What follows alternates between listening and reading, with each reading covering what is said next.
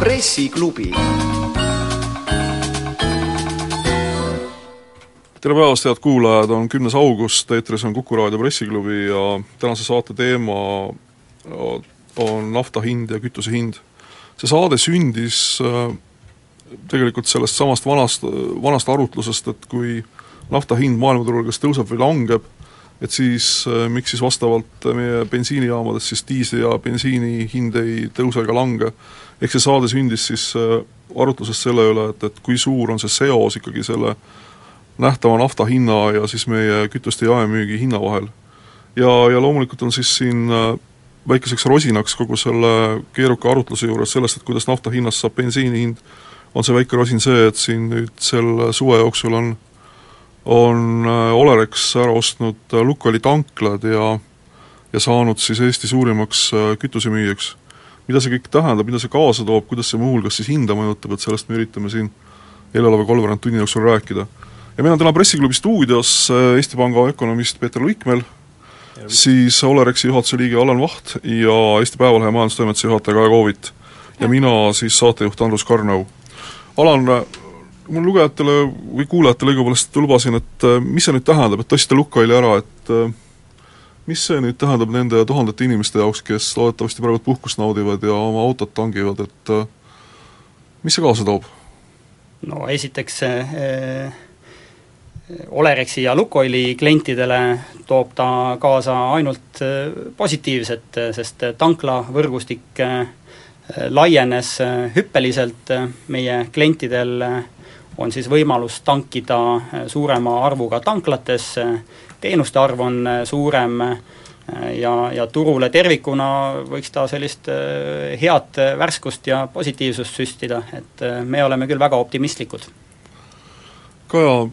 sina oskad kõige täpsemalt öelda seda, et kas see konkurents nüüd selle tehingu järgi, see konkurents on maisi kütuseturul ju väheneb veelgi, eks ole? Äh, sa mõtled selles mõttes, et Lukoili tanklaid enam ei ole või no mina pean ausalt öeldes tunnistama, et autotankijana ma imestasin, kui ma neid hindu Lukoili tanklates alati vaatasin, et huvitav, kes sealt kütust ostab. sealt ostavad kütust lepingulised partnerid, kes saavad märkimisväärset allahindlust võrreldes sellega, mis on sellel hinnal, mis on posti peal väljas, aga aga et üldiselt, kui me vaatame seda, mis juba minu arust praegu on kütuseturul to-, to-, toimunud, siis Olereks ma pakun sealt kuskilt eelmise aasta lõpust või, on, on kuidagi agressiivselt turul tegutsenud, nii et ma arvan, et kliendid võivad ainult rõõmustada. aga ikkagi see konkurentsi küsimus, see pakkujate küsimus, et Peeter, ega ma vist väga ei eksi, kui ma ütlen, et Eesti Pank on alati olnud väga kriitiline selles suhtes, et Eesti turul on väga väike konkurents jah, see oleneb valdkonnast, et võib-olla noh, kõige, kõige hullemas seisus on pigem niisugused asjad, mida, mida inimesed suht vähe ostavad, nagu riided ja jalanõud, et siin on selgelt ju näha, et meie hinnatase ongi kõrgem kui Euroopa Liidu keskmine. kütuse osas äh, need võrdlused siiski pri-, pigem soosivad seda hinnangut, et meil on pigem keskmine või isegi alla keskmise hind. et äh, noh, majanduslikult väljendades loomulikult igasugune konsolideerimine vähendab konkurentsi, mis on kahetsusväärne, aga selle eest peavad hea seisma, et konkurents oleks need, kes konkurentsi järgi järele valvavad, Konkurentsiametid ja teised institutsioonid ja tegelikult ka tarbijad ise, kes äh, üsna täpselt oskavad ja järjest laiemas diapasoonis võrrelda erinevate pakkujate hindasid. aga teine majanduslikus mõttes pigem positiivne asi on loomulikult see, et turg on väike ja igasugune konsolideerimine võimaldab vähemalt sellel, kes endaga rohkem liidab, olgu siis tanklaid või kauplusi, odavamalt pakkuda teenust, ehk siis sisuliselt see tähendab seda, et tema kulud selle mastaabisäästu tõttu ongi väiksemad ja ja noh, see ei pea olema hea ilmtingimata ainult sellele laienevale nii-öelda ettevõtjale, vaid mingil määral võib see kasuks tulla ka tarbijale. ühesõnaga teie jutust ma saan aru, et te ütlete, et kütuse jaeturg on üks selliseid väheseid valdkondi Eestis, kus konkurents on piisav noh, praegusel hinnangul, otsustades hindade põhjal vähemalt ja turu väiksust arvestades, ei ole olukord nii masendav kui võib-olla mõnes muus valdkonnas, kus juba hinnavõrdlused Euroopa Liidu keskmisena räägivad ikkagi väikse turu kahjuks. Kuulge, öelge nüüd ära, et mis valdkonnad need masendavad on, et me saame järgmiste artiklite ja saadete jaoks nagu teemasid. No,, millises olukorras on Eestis konkurents masendav? kui te võrdlete Eurostati hinnatasemete hinnanguid, äh, siis Eesti on, no ütleme, sissetulekute tasemelt me oleme ikkagi seal kuskil kahe kolmandiku peal Euroopa Liidu keskmisest, aga me oleme väga rikaste naabrite juures, ennekõike pidades Põhjamaid silmas. Äh, turu väiksusest tingituna on väga paljud tooted, mitte paljud, aga valdavalt ikkagi mõned tööstuskaubad, mida täna eestlased pigem ostavad välismaalt, ja noh, võib-olla riided ja jalanõud on need, kus on see vahe kuskil sada kümme protsenti, noh ütleme kümme protsenti kõrgem kui Euroopa Liidus keskmiselt on see hinnatase Eurostati andmetel. muudes valdkondades on asi pigem niisugune, et me oleme seal võrreldes võib-olla sissetulekutasemetega ligilähedased, kogu hinnatase on meil umbes kolmveerand Euroopa Liidu keskmisest, nii et noh, pilt ei ole nii kurb ei, te pidite ütlema nüüd, et need konkreetsed valdkonnad, et kus siis olukord on masendav? pigem see puudutab nagu tööstuskaupasid, elektroonikat ja riideid ja jalanõusid, mis, mis Eurostati andmetel on pisut kõrgemad, kütuste puhul niisugust erisust ei ole tuvastatud. ühesõnaga, te tahate öelda, et nendes valdkondades oleks vaja rohkem uusi müüjaid? ja paratamatu on see, et kui turg on väike, siis see võimalik ei ole, et kui on üks koma kolm, üks koma neli miljonit võimalikku tarbijat, siis teatud asjad on paratamatult kallimad selles väikeriigis Alan, mis Alariksiga juhtunud on, sest nagu Kaja ka ütles, et äkki eelmisel aastal hakkasite te panustama turundusse, teie jaamu hakati tähelepandama, sest te reklaamisite rohkem, te tegite seal suuri ümberehitusi, et nad üldse näeksid moodsad välja, et äh, mis teie ettevõttega äkki juhtus, kust nagu see äkki selline plahvatus? Mm, ma arvan, et äh, üks põhjus on äh, see, et anti mulle võimalus liituda Olerexiga ja me oleme väga äh, palju viimasel ajal kirjutanud ka artikleid, see on üks asi, kes kindlasti, mis inimestele silma paistab, et kui sa oled pildis, sa kirjutad, sa kirjutad, mis maailmaturul toimub, teine asi on ka see, et Olerex on tegelikult aastal kaks tuhat kümme muutnud täielikult oma välimist kontseptsiooni. et kui vaadata, millised on Olerexi tanklad täna, millised nad olid kümme aastat tagasi, siis siin on äh, päris äh, suur äh, vahe sees. et meie tanklad täna on väljast vaadates väga premium-klassi mõõtu ja, ja sinna me panustame ja panustame ka tulevikus. no see premium-klass tähendab maakeeles seda, et nad näevad lihtsalt normaalsed välja? Täpselt nii, ta näeb ilus, uhke välja, me pakume erinevaid teenuseid, klientidele see meeldib, kliendid tulevad meie juurde, tangivad, ostavad tanklakaupu, et see on see, kuhu turg liigub. kust te selle laienemiseks raha võtate? laienemiseks eelmisel nädalal oli näha, et tehti üks pressiteade nädala lõpus, DNB, kes siis andis pressi vahendusel teada, et on üks kaasfinantseerijaid selles tehingus ühesõnaga, et see on äh, pankade raha, et siin ei ole midagi pistmist äh, Äripäeva selliste äh, sapiste vihjetega teemal, et võimalik, et osa kütust tuleb kusagilt vasakult ja sealt tuleb ka see vaba raha, mille arvel laieneda ja oma jaamasid uuendada. mul on hea meel öelda täna seda, et peaaegu juba aasta aega siin jooks-, tulevaste kuude jooksul saab see aasta täis, kus me oleme aktiivselt teinud Maksu- ja Tolliametiga koostööd. Ja me igakuiselt raporteerime Maksu- ja Tolliametile, kellelt, kui palju kütuseliikide lõigetes me kütust ostame. Ja ma usun, et Olerex on täna ainukene tanklakett, kes sedalaadi infot niivõrd detailselt Maksu- ja Tolliametile esitab, seetõttu meie tarneahel on sada protsenti selge ja läbipaistev ja siinkohal ma annan teile küll selle õiguse ja voli, et te võite seda Maksu- ja Tolliametilt äh, vastavalt siis äh, järele pärida. hästi, ma, ma usun, et kõik ajakirjanikud, majandusajakirjanikud, kes seda praegu kuulavad, need siis kohe kasutavad seda võimalust ja küsivad need andmed Maksuametist välja. me kuulame reklaami ja siis kohe jätkame.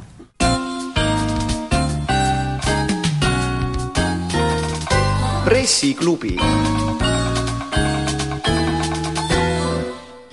nii, räägime täna nafta hinnast ja kütuse jaemüügist Eestis, et meil on täna kolm külalist stuudios, Eesti Panga ökonomist Peeter Luikmäel, Olerexi juhatuse liige Alan Vaht ja Eesti Päevalehe majandustoimetuse juht Kaja Koovit.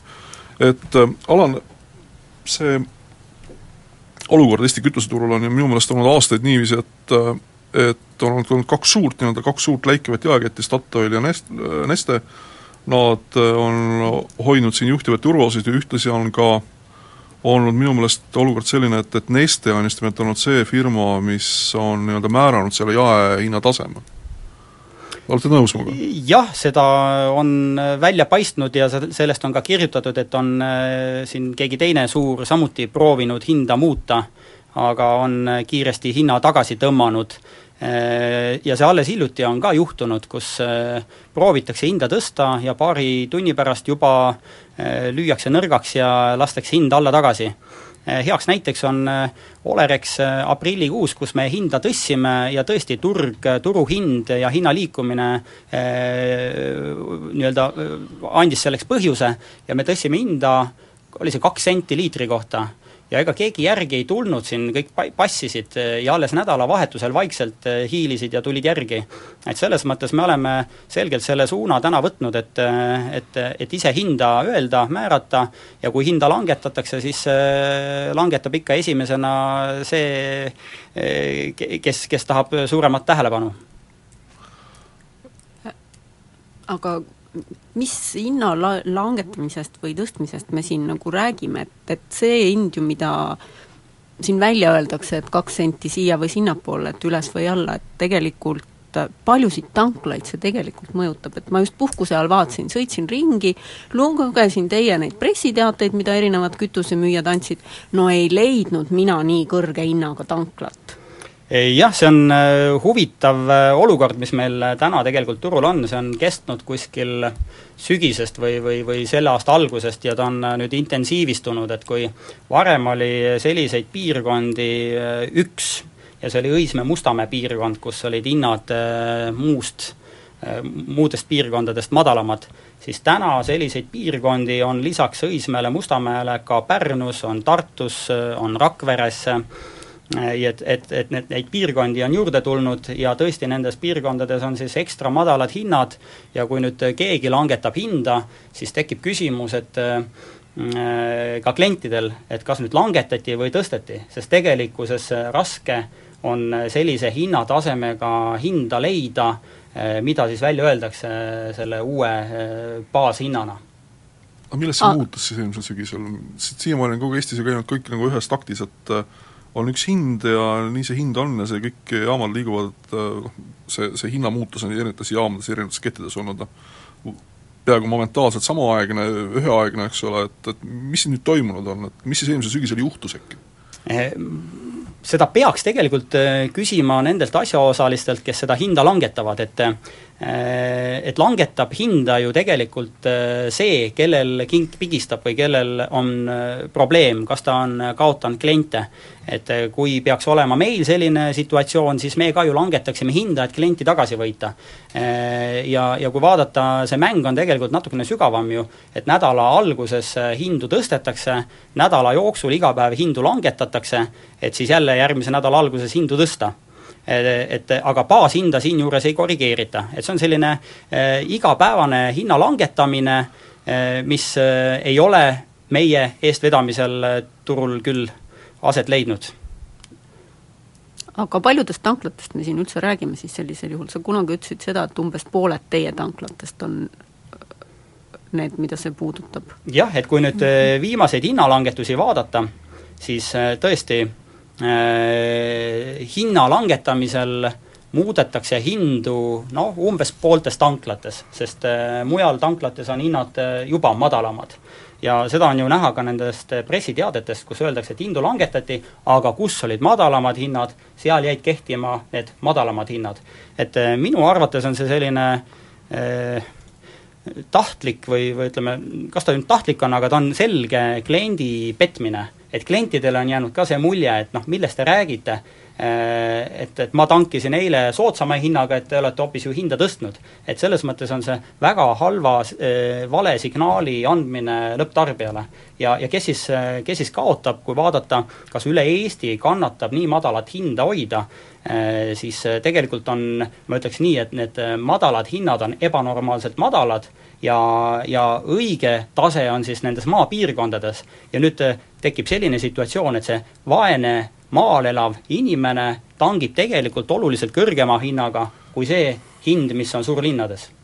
ma, ma olen ka tähele pannud, et äh, seal, seal piirkonnas, kus ma tihti liigun, et teil on seal Lihulas on üks uus tanklateel ja seal on nagu konkurentsitult nagu kõige kõrgem kütusehind, mida võib nagu üldse nagu poolest Eestist leida, et äh, ma saan aru, et see on siis tüüpiline näide sellest, kuidas siis vaene maapiirkonna inimene peab selle vahe kõik kinni maksma, mis te nagu Tallinnas ja Tartus pakute. noh, ma ütleks, et äh, kui vaadata üldse trassidel olevaid tanklaid,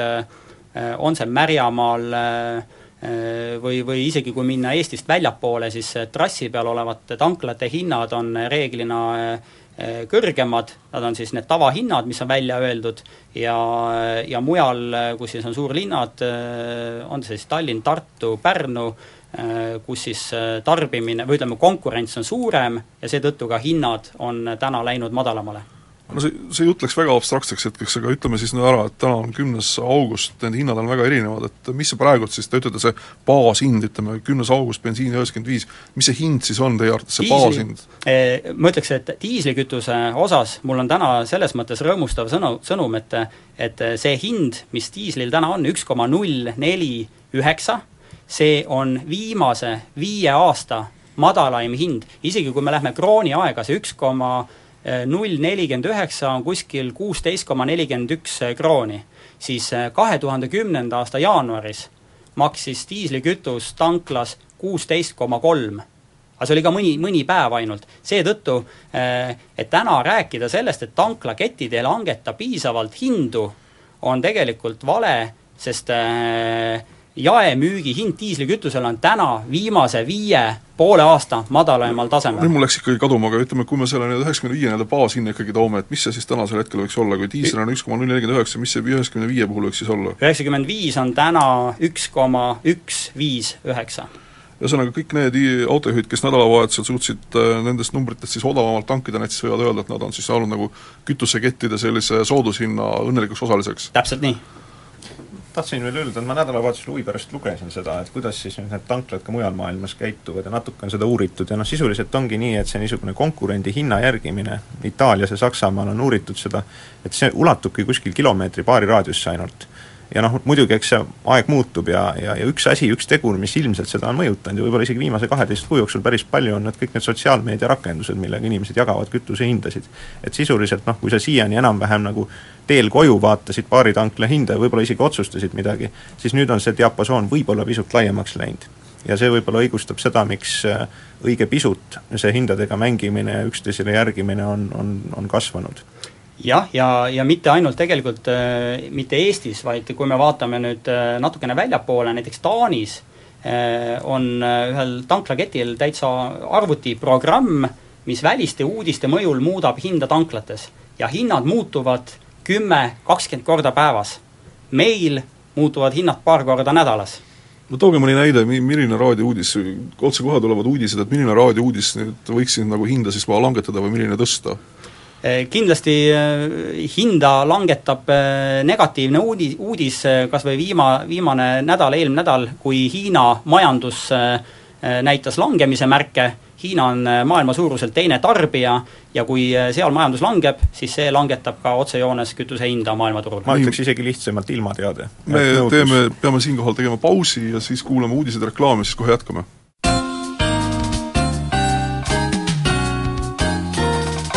pressiklubi. tere, head kuulajad, on kümnes august, eetris on Pressiklubi, tänane saade räägib kütuse hinnast, nafta, nafta hinnast ja sellest, et kuidas nafta hinnast saab siis tanklas hind, mida siis autojuht saab oma paaki valada. meil on täna stuudios kolm külalist, Eesti Panga ökonomist Peeter Luikmäel, Olerexi juhatuse liige Alan Vaht, Eesti Päevalehe majandustoimetuse juhataja Kaja Koovit ja mina, saatejuht Andrus Karnau kui ma esimese saatetunni kuidagi ühte lausesse üritan kokku võtta, siis minu jaoks oli põhiline rõõmustav sõnum see, et Peeter Luikmäel ütles, et et Eestis on vähemalt kütuse jaemüügiäris on konkurents piisav, mis tagab ka tarbijatele soodsama hinna. ja me eelmise saatetunni lõpus jäime pooleli selle juurde, et, et Peeter Luikmäel rääkis sellest, kuidas sotsiaalmeedia on mõjutanud mõjutanud kütuse hinda, kuidas see, et ma saan Twitteris või Facebookis jagada just äsja nähtud hinda, võib ka mõjutada reaalselt nagu kütusefirmade käitumist.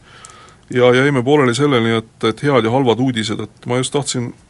Allan, teie käest küsida seda, et kui nüüd Kuku raadio esiuudis oleks see, et see õnnetu noormees, kes äh, Tartumaal neli inimest surnuks sõitis, kaasa arvatud iseenda, oli purupurjus, et kas see mõjub äh, kütuse hinnale hästi või halvasti? no sellel äh, ei ole küll kütuse hinnale mingisugust mõju ja hind sellest tanklas ei muutu. küll aga peaks lahti seletama selle, et kuidas siis hind tanklas kujuneb, mis seda hinda liigutab, et heaks näiteks on viimased paar nädalat. Et kui ma võtan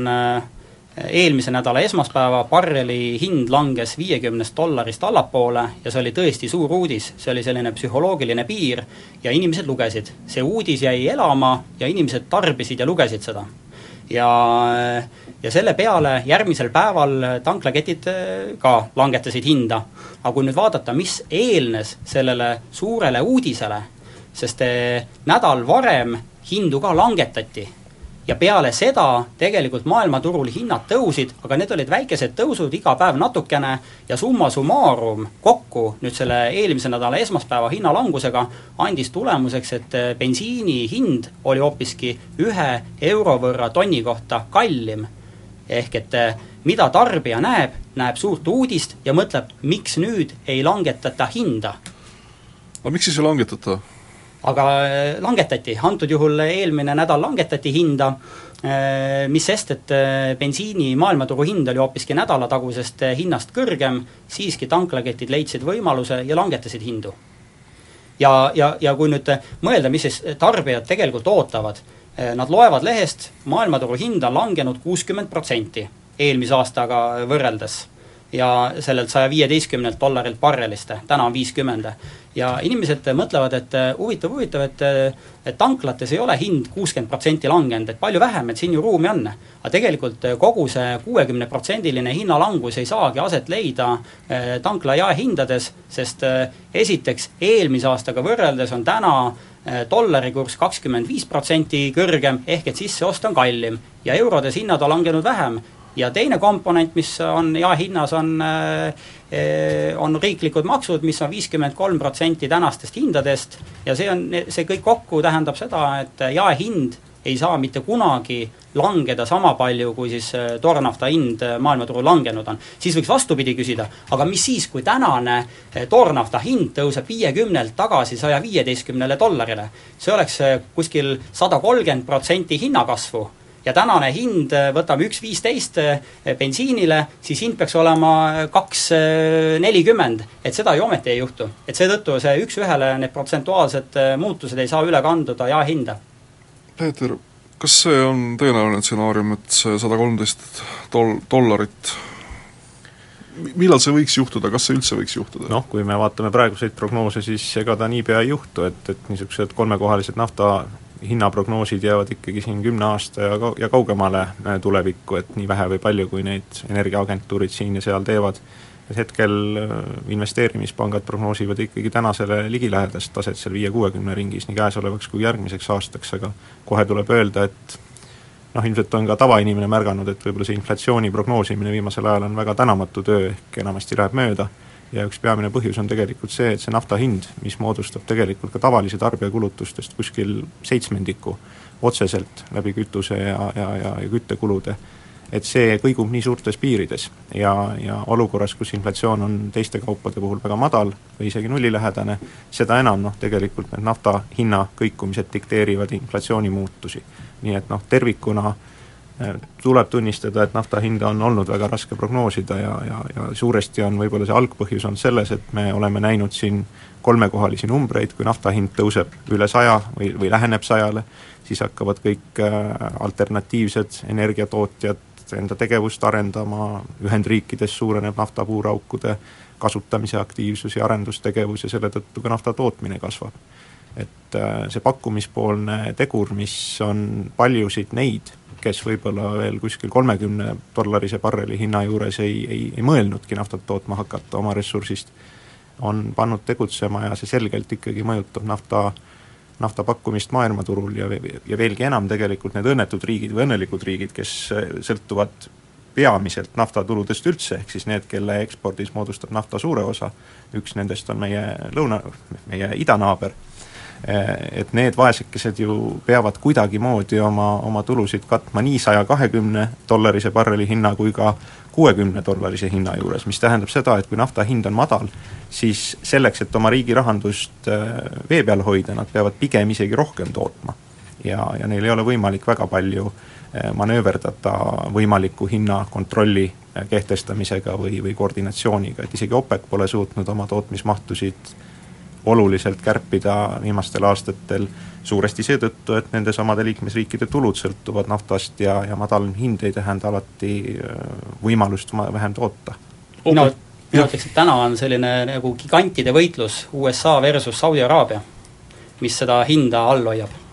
OPEC-i puhul vist on ka see küsimus, et ega nad ei tahagi vähem toota, et et äh, eesmärgiks siis äh, võimalikud konkurendid madala hinnaga välja süüa lihtsalt turult. üks võimalus on see jah, et see roheenergia, mis siin saja kahekümne või kõrgema nafta hinna juures hakkas vohama, et see, see selgelt ei ole võib-olla jätkusuutlik tänaste hindade või võimalik veel madalamate juures, et paljud alternatiivsed äh, nafta tootmistehnoloogiad on ju tegelikult suhteliselt võimetud toime tulema alla neljakümne dollarise barreli hinnaga, kui see jääb pikaks ajaks püsima ja noh, kõige keerulisem on, on nendel, kes on oma tootmist laiendanud suhteliselt kuluka tehnoloogia puhul äh, ootuses, et nafta hind on kolmekohaline, ka neid on ilmselt. no see puudutab muidugi ka suurt tükki Eesti majandusest, kui me räägime põlevkiviõlitööstusest, et, et see praegune, see tänahommikune see, ma, mina vaatasin täna hommikul Brent oli nelikümmend kaheksa koma kuus, see oli äh, kella üheksa Londoni aja järgi, et äh, ilmselt see nelikümmend kaheksa koma kuus on äh, ka Eesti kohalikul põlevkivitööstusel ikkagi väga suur probleem, et ilmselt nad veel töötavad, sest väidetavasti see nende see alumine piir on kusagil seal alla neljakümmet, kuskil kolmekümne viie, neljakümne vahel väidetavasti, noh, nende numbrite taha keegi teine ju ei näe peale nende endi, eks ole, nad veel töötavad, aga see ilmselt neile väga suurt rõõmu ei valmista, aga kui see põlevkivitööstus kõrvale jätta, et Peeter, see, see umbes neljakümne dollarini nafta hind, mis Eesti majandusele tähendab? see on hea uudis meile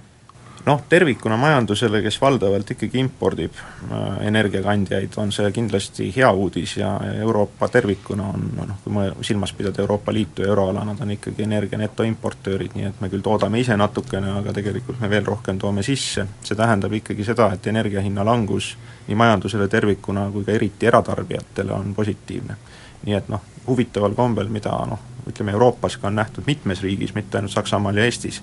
vaid praktiliselt universaalselt, me näeme seda, et eh, inimeste palgad võib-olla väga kiiresti ei tõuse, aga nende ostujõud eh, kohati tõuseb isegi kiiremini, sellepärast et eh, noh, selle madala hinnataseme ja langeva energiahinna mõjul tegelikult inimestele jääb rohkem raha kätte. et kui sa kulutasidki oma kütusele või, või, või küttearvele seni mingisuguse koguse, ütleme viisteist, kakskümmend protsenti oma sissetulekust läks küttearveks ja kütusearveks, siis nüüd, kui see toode või see nii-öelda kütuse ressurss on natuke odavam, siis see jätab kätte natuke rohkem raha, et, et tarbida muid asju ja ja see võib-olla isegi tähendab seda, et, et võib-olla see palgatõus ei peagi nii üüratult suur olema, et, et inimesed rohkem ostaks, et jaemüük on praegu nii Eestis kui ka, kui ka Euroopas keskmiselt ikkagi majanduse üks, üks kiirema kasvuga valdkond olnud. jah, aga nafta hinna osas meil ei ole ju mingit kindlust, sellepärast et piisab lihtsalt mõnel äh,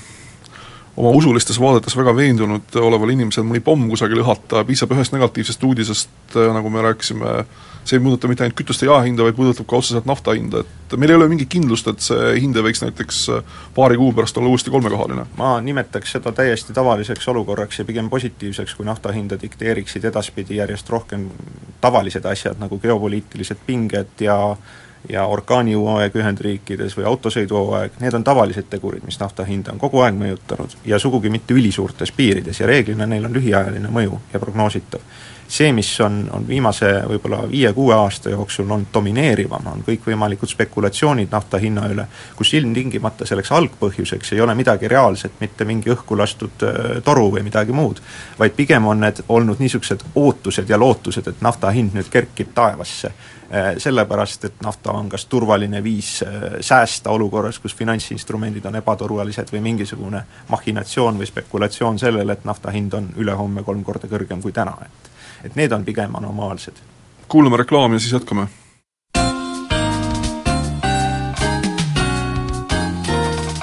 pressiklubi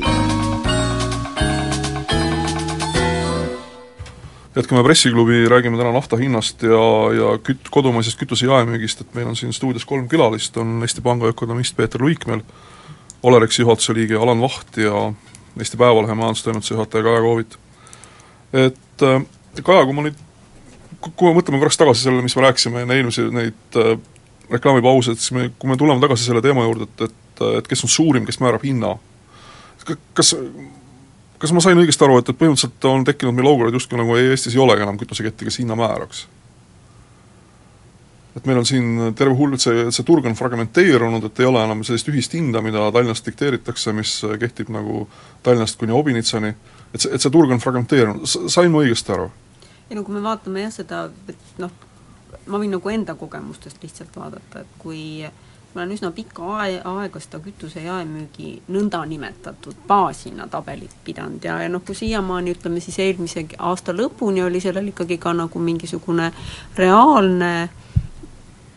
noh, mingit reaalset pilti see näitas, et noh, tegelikult olidki nii, et oli see baashind ja siis mõningates tanklates, nagu Tallinnas Linnutee üm-, ümbruses olid siis hinnad odavamad konkurentsi tõttu, eks ju, siis noh, nüüd see tegelikult ei näita enam mitte midagi, et ma ei arva, et et me saaksime öelda, et meil siin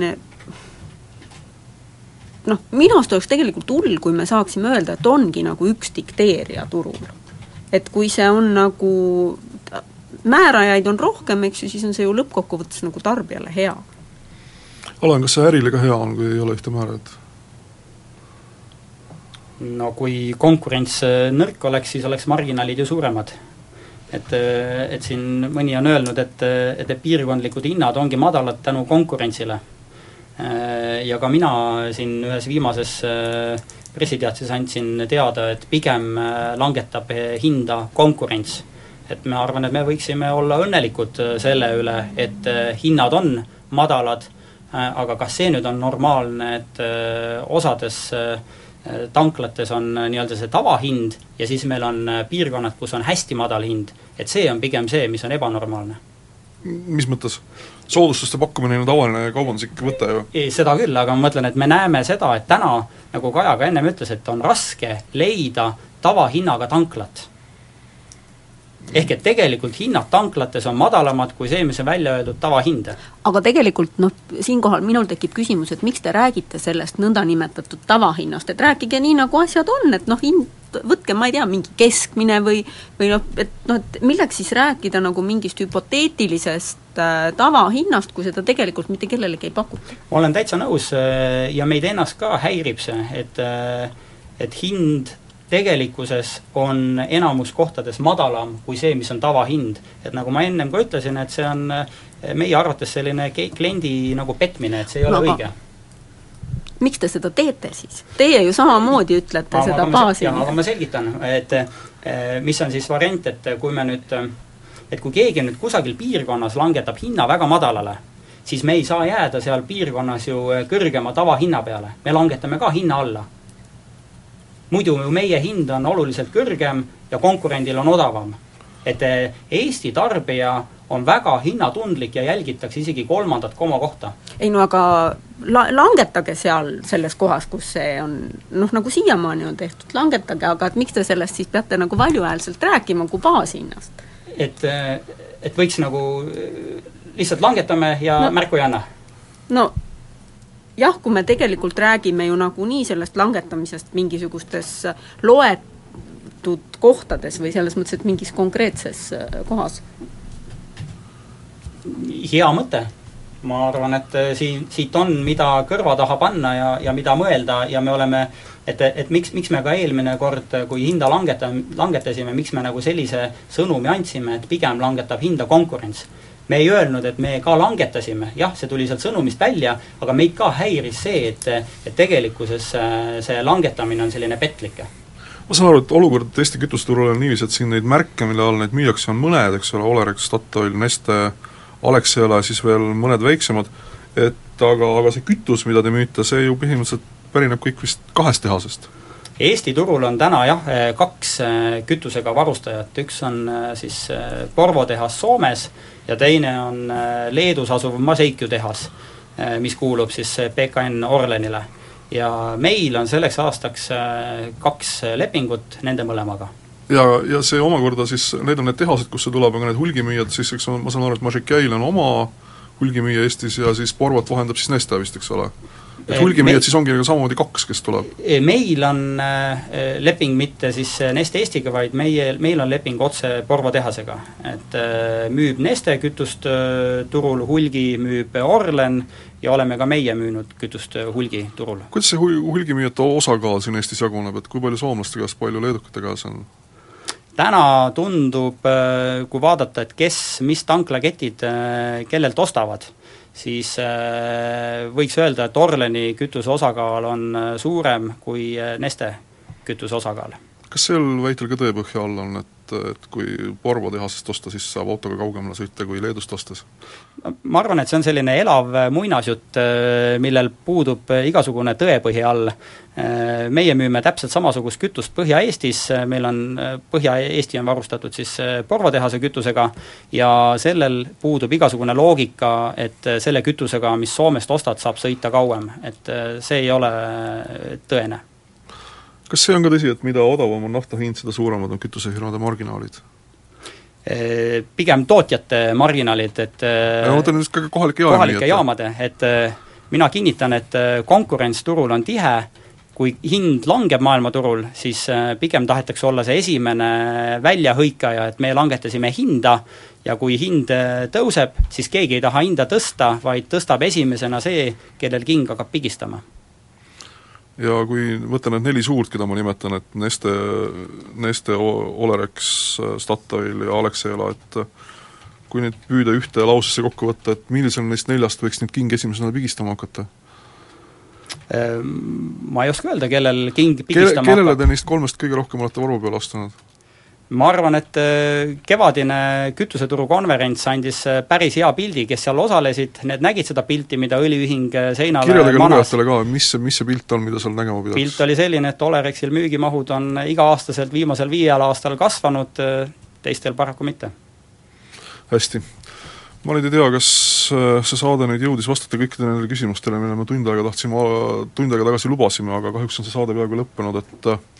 iga, igale ühele lõppsõna, Peeter, mida öelda ehitise kütuseturu kohta? no lõppkokkuvõttes on ilmselt tähtis see, et äh, kõik, kes müüksid, et konkurents toimiks, kütus on homogeenne, seda saab ka väiksel turul konkurentsitihedalt müüa ja oluline on see, et kõik järgiks ühtesid kvaliteedi- ja maksukäitumisstandardeid ja noh, sellisel juhul olukord ei ole hull, kui isegi, kui mingisugune mastaabisääst või kontsentratsioon tekib. aga noh, ilmne on see, et, et kütuse hinna prognoosimine on olnud viimastel aastatel väga ekslik tegevus ja isegi, isegi aastases lõikes on see väga keeruline. Peame kahjuks lõpetama, tänan teid, kallid külalised, et tulite, tänan kuulajad, et kuulasite, see saade on õhtul korduses kell seitse Kuku raadio kodulehel igal ajal, elage hästi!